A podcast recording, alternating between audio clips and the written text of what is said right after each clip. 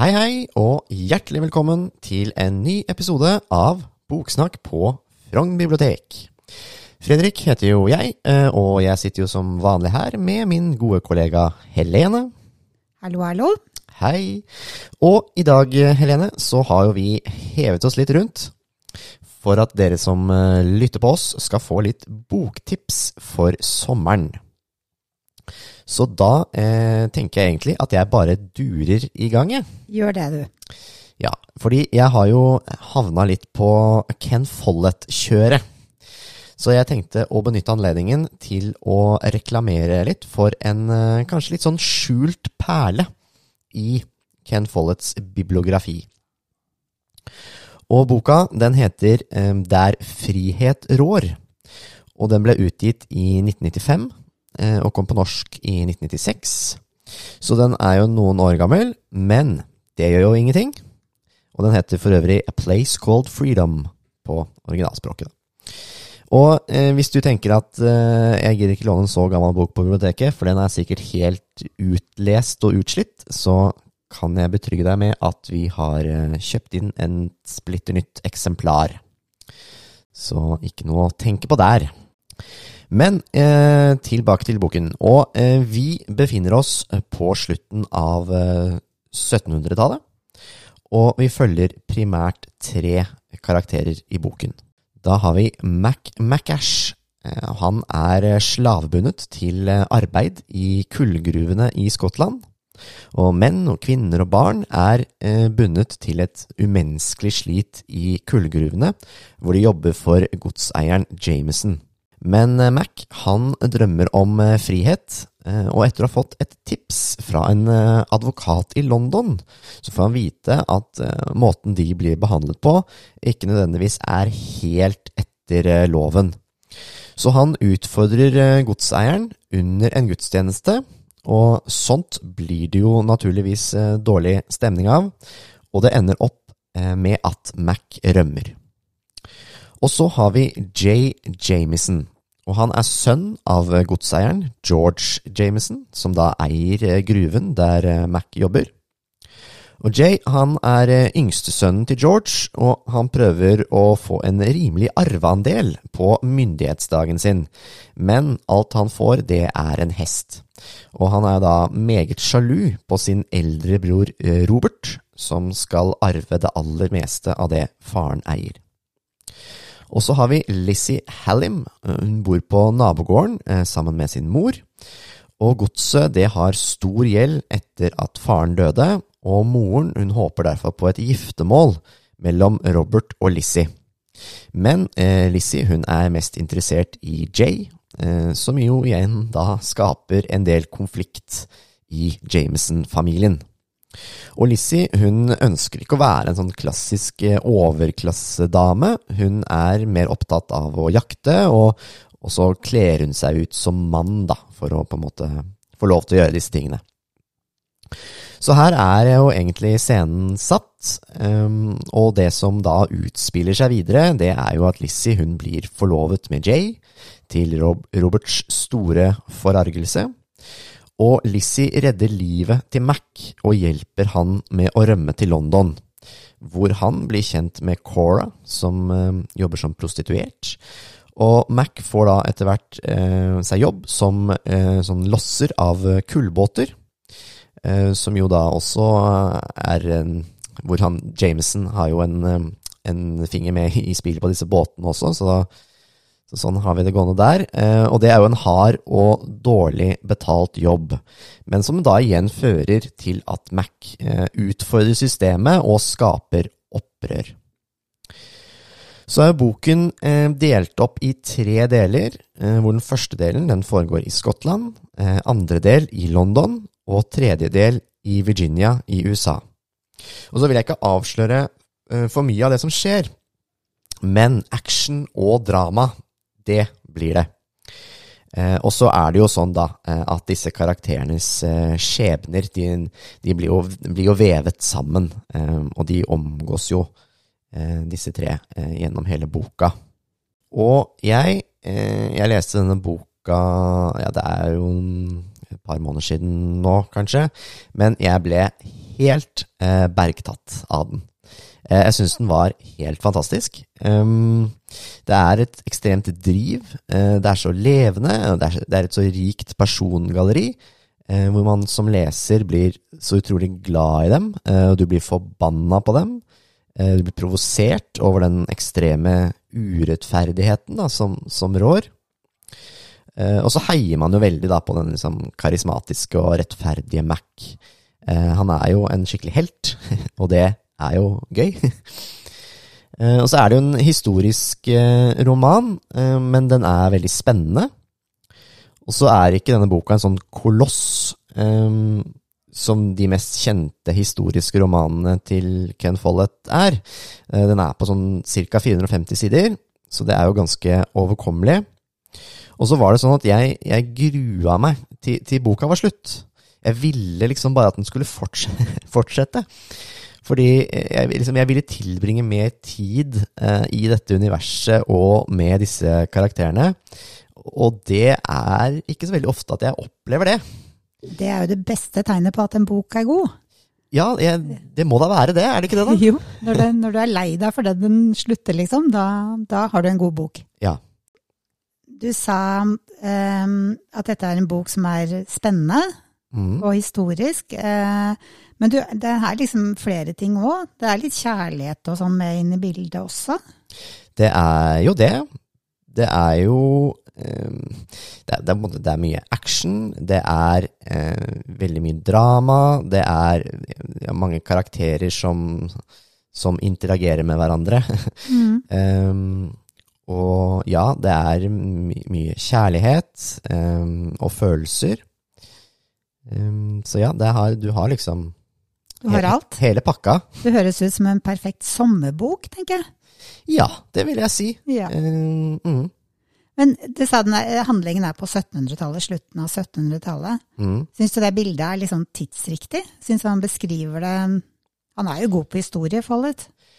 Han er jo det, eh, og han gjør jo alltid grundig research eh, til bøkene sine. Eh, Så nå er ikke jeg noe ekspert på 1700-tallet, eh, men det føles jo veldig ekte. Jeg føler jo veldig at jeg er der og, og, og opplever verden på 1700-tallet. Eller i hvert fall da Skottland, London og eh, bomull, bomullsplantasje i Virginia. Mm. Jeg på, jeg var sånn I mine yngre dager da, så prøvde jeg å lese Nålen til Follet. Mm. Og det tror jeg aldri jeg klarte. Eh, Jeg vet ikke hvorfor nå. Men det betydde at etter det så sluttet jeg å lese Follet, for jeg syntes han virket både litt vanskelig og tung å lese. Mm. Men tenker du denne boken allikevel passer for sånne som meg? Ja, eh, det vil jeg jo si. Eh, jeg vil jo kanskje si at du, du bør på en måte ha en slags interesse av historiske romaner. Mm. Em, fordi det er jo det det er. Em, og den er, det er en veldig annen bok enn Nålen. Em, Nålen er jo um, fra andre verdenskrig, det er jo også på en måte ja, historisk, men, men um, det er jo en mer direkte sånn spennings, uh, spenningsbok, da. Mm. Nå vil jo jeg si at uh, det er ikke så veldig lenge siden jeg leste Nålen. Uh, så jeg tror nok du kan trygt gi den en ny sjanse uh, nå. Det er ikke sikkert at du syns den er like vanskelig.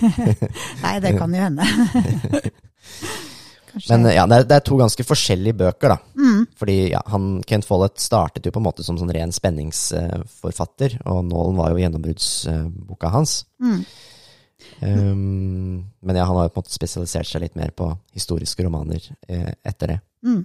Men denne boka er jo kanskje fint, fordi, for den, han Follett skriver jo ofte veldig lange historiske bøker. Ja. Eh, Så denne må jo være fint for de som har lyst til å bli kjent med Follet, da. Og den historiske delen av det han skriver. Absolutt, eh, og det var litt det jeg nevnte også, med at den er på 450 sider, så det er, ikke, det er, liksom, det er overkommelig det. Mm. eh, I motsetning da til, til noen av de andre store liksom, eposene han har, som er liksom 1200 sider, og den trilogien på, på tre bøker hvor alle bøkene er på 1000 sider. Det er mye. Det er mye. Um, så, så her har du på en måte en ganske sånn enkel, eh, enkel inngang da, til hans historiske univers og hans forteller, eh, fortellerstil. Mm. Jeg, jeg leste en sånn omtale hvor det var noen som skrev at det var en slags guilty pleasure. Eh, Hva tenker du om det? Syns du det? Eller er det et vanskelig spørsmål? Ja, altså mm, Nå er jo på en måte guilty pleasure Det er jo litt sånn at ok, du vet at det er ganske dårlig, men du eh, liker det veldig godt likevel. Mm. Eh, men jeg personlig syns jo ikke boka er dårlig. Altså, jeg skjønner jo at denne kan være litt sånn overdrevent og, og litt sånn voldsomt til tider, men, men jeg bare koste meg masse. Mm. Og eh, jeg syns er, Det er spenning, det er gøy, og han skriver jo godt. Mm. Han, er en god forteller. Så, så jeg, vil kalle, jeg vil bare kalle det en pleasure. Ja, da er det ikke en guilty pleasure, men en pleasure. Ja. Den, den syns jeg er god. men jeg bare Et spørsmål til. For du sa du hadde havna på Follett-kjøret. Mm. Hvorfor har du det? Altså, Hva er det du liker så godt med Kent Follett? Godt spørsmål. Um, nei, det starta vel egentlig bare at um, Jeg, jeg syns jo på en måte sånn historiske romaner sånn har på en måte vært interessant, men jeg har på en måte aldri liksom orka å by meg ut på Og jeg har liksom selvfølgelig kjent, kjent til Ken Follett uh, lenge, men på en måte aldri liksom orka å begynne på de der enorme bøkene hans. Og så uh, leste jeg uh, Nålen, da, som vi jo snakket om, Mm. um, for halvannet år siden, kanskje. Og syns den var skikkelig kul. Og, så da fikk jeg på en måte litt sånn eh, eh, blod på tann. Og så, og så begynte jeg å høre litt på Ken Follett på lydbok.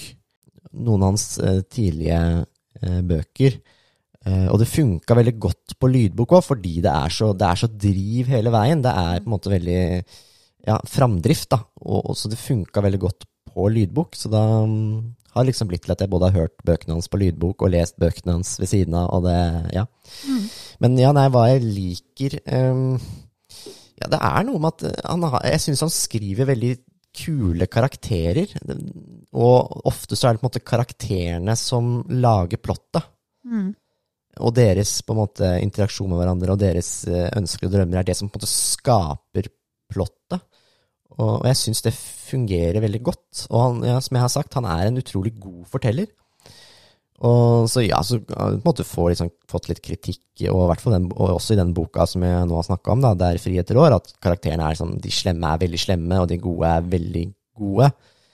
Og, og det er jo på en måte sant, men, men jeg kjøper liksom likevel, da. Mm. Jeg blir veldig glad i karakterene hans, og ofte også i bøkene så er det jo flere fortellere. Eh, Det er ganske gjennomgående. Men jeg, og jeg syns Og da kan det ofte være sånn at man syns at ah, nå er vi tilbake på han eller hun, og det er jo kjedelig, jeg vil tilbake til, til, til min yndlings, eller min favoritt, da. Mens jeg syns at i, i, i Ken Fallsberg så klarer, klarer han å lage alle karakterene veldig interessante og, og kule å lese om. Så jeg, det blir liksom aldri kjedelig, Mm. syns jeg, da. Nei, vi vi får jo se da om du har klart å få flere som hører på podkasten til å havne på Kent Follett-kjøret i løpet av sommeren. Det kunne vært moro. Det håper jeg. Fordi, og ja, ehm, den, Der frihet rår, det er en, en skjult perle. Jeg tror kanskje ikke så veldig mange har lest den, med mindre man er veldig Kent Follett-fan. Og så er den jo, den er jo nesten 30 år gammel. Mm. Så Ja, det er kjempefint å løfte fram de litt gamle bøkene også. Vi Mm. må ikke glemme dem i alt det nye som kommer. nei, vi må jo ikke det. Nei. Og dette er en ordentlig, ordentlig gode, godsak. Så ja, masse underholdning. Mm. Hm. Det er bra. Men du Helene, du har også noe å dele med våre kjære lyttere. Ja, det har jeg. Vi hev oss som sagt rundt i dag for å, for å lage podkasten. Og da blir det liksom Oi, hva skal jeg ta? Og så kom jeg på at 2022, det er skeivt kulturår. Eh, Og vi har jo også pride nå. Mhm. Eh, Og dermed så havnet jeg på en bok jeg leste nå i januar, tror jeg. Som er skrevet av Cecilie Enger, som heter Det hvite kartet. Ja. Um, og det er en historisk roman som baserer seg på en virkelighet. Uh, og den beskriver kvinneliv i Norge fra 1870-årene og nesten 90 år framover. Um, den handler om to kvinner, Bertha Torgersen og Hanna Brummes, som ble de, første, de to første kvinnelige skipsrederne. Jeg Ja. tror i Norge, og kanskje i verden også. Og de to traff hverandre og, og gikk i kompaniskap med hverandre, eh, og levde sammen i 50 år. både i arbeidslivet og i kjærlighetslivet. Og de ble jo også kalt mannedamene etter hvert. Det er Bertha som eh, forteller historien, eh, og den handler da mest om hennes tanker og følelser med det som skjer rundt henne. Og handlingen er lagt til Haugesund på slutten av 1800-tallet. Og den handler om Den starter med at Bertha skal inn til Haugesund og kjøpe sin første ferdigsydde kjole. Og da er det Hanna som ekspederer henne Eh, og Bertha undrer seg litt over denne Hanna som går sånn litt mannhaftig kledd, hun har et mannhaftig utseende. Og når hun da noen år senere eh, blir tilbudt en butikkstilling på Visnes på Karmøy Karmøy ligger jo, som dere sikkert vet, rett utenfor Haugesund. Eh, så, så sier hun ja til den jobben og reiser over, og der treffer hun Hanna igjen. Eh, og det tar en liten stund, de blir ikke venner med det samme, men etter hvert så gjør de det, og da begynner de å få en relasjon som vokser på forskjellige måter. Eh, og de starter blant annet butikkdrift sammen. Eh, og dette er en sånn bok som gir et veldig sånn tidsriktig bilde av den tiden de levde i. Sånn at du får Den passer veldig fint inn i tidsånden og karakterene. Hanna og Bertha er veldig godt beskrevet. Og dette er en bok eller en fortelling om skjev kjærlighet fra en tid da de færreste i det hele tatt tenkte at sånn kjærlighet kunne være mulig. Ja. Og det er en, ja, en bok om å våge å velge sin egen vei.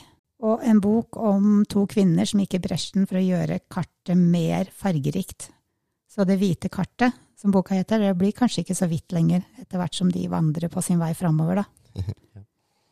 Jeg, jeg, likte boka veldig, veldig godt. Um, den har fått litt sånn varierende kritikker, både av uh, ekspertene som kritiserer bøker, og av leserne. Mm. Men jeg tror de aller fleste liker den. Den er en, uh, de karakterene som beskrives, er sterke. Og det er um, en engasjerende bok, en gripende bok, og en sår bok. Veldig sånn um, ja, realistisk bok, egentlig. Ja. Veldig godt skrevet, velformulert og enkelt språk, så den er også en fin sommerbok. Ja, og det er bare for å ha det helt klart, denne, det er jo da basert på virkelige hendelser, ikke sant? Dette det er på en måte ja. fiksjonsbok, men basert på ekte mennesker. Ja, ja. det er det. Og um, lærer du noe av denne boka, syns du? Ja, jeg syns egentlig det. Jeg syns jeg lærte en del om hvordan det var å leve på den tiden. Hun um, Bertha forklarer jo bl.a. hvordan klesdraktene var, hvordan man, kjolene så ut, og hvordan man oppførte seg, og samtaler med andre, og hva de hadde lov å gjøre og ikke lov å gjøre. Mm. Så ja, og det, du lærer jo selvfølgelig en del om skipsfart, og om ja. om Ja, blant annet så kan du liksom nesten sammenligne litt med Og nå står det helt stille her. Eh, eh, Nordahl Griegs bok 'Vår ære og vår makt' ja. Eh, under første verdenskrig, og dette med de båtene eller skipene som eh, gikk over sjøen. Så du kan Altså, ja, du kjenner deg igjen i din, den boken hans òg, da. Ja. Sånn at, eh, ja, du, du, lærer noe. Absolutt. Og du lærer også det med, med eh, forholdet mellom to, to, personer av samme kjønn. Ja. Hvor vanskelig det var, og kanskje fortsatt er. Ja. Var det sånn at disse to At folk visste at disse var, eh, var på en måte mer enn samarbeidspartnere. Var det på en måte viden kjent, eller er det en Nei, det tror jeg ikke. Eh, de ble jo veldig De var jo veldig godt likt, og jeg tror kanskje ikke alle skjønte at de var kjærester. De bodde jo sammen og drev jo bedrifter sammen. Først eh, manufaktur, altså kjole, eh, klesbutikker og sånn, og senere som skipsredere. Ja. Men jeg, jeg, vet ikke hvor godt, hvor godt, kjent det var. Nei. Nei, folk tenkte kanskje ikke den tanken. Nei, ikke, ikke på den tiden, tror jeg. Men, det, men altså, jeg, jeg, har en mor fra Karmøy eh, som har vokst opp der. Jeg har vært veldig mye på Karmøy. Eh, og jeg vet jo hvor mye folk snakker på sånne små miljøer. ja. Så noe har de nok eh, ant også på den tiden, da. Ja. Ryktene har gått. Ja. Eh, jeg tenkte litt på um, Dette er jo på en måte da kvinner som uh, har gått sin egen vei, som du sier, og ikke gått hen og blitt gift og ferdig med det. Um, Det minner jo litt grann om en bok du snakket om på en tidligere podkast, nemlig den 'Kvinner jeg tenker på om natten'. Er det Mm. noen Får du noen sånn følelse på det? At uh...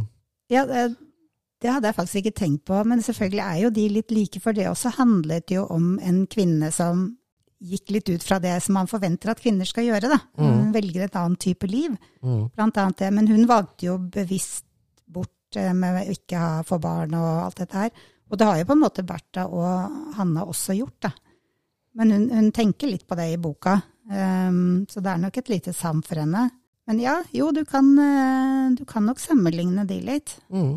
Um, si, er, det, er, det, er dette en bok om, primært om skipsfart, eller er det en bok om forbudt kjærlighet, eller hva er det en bok om?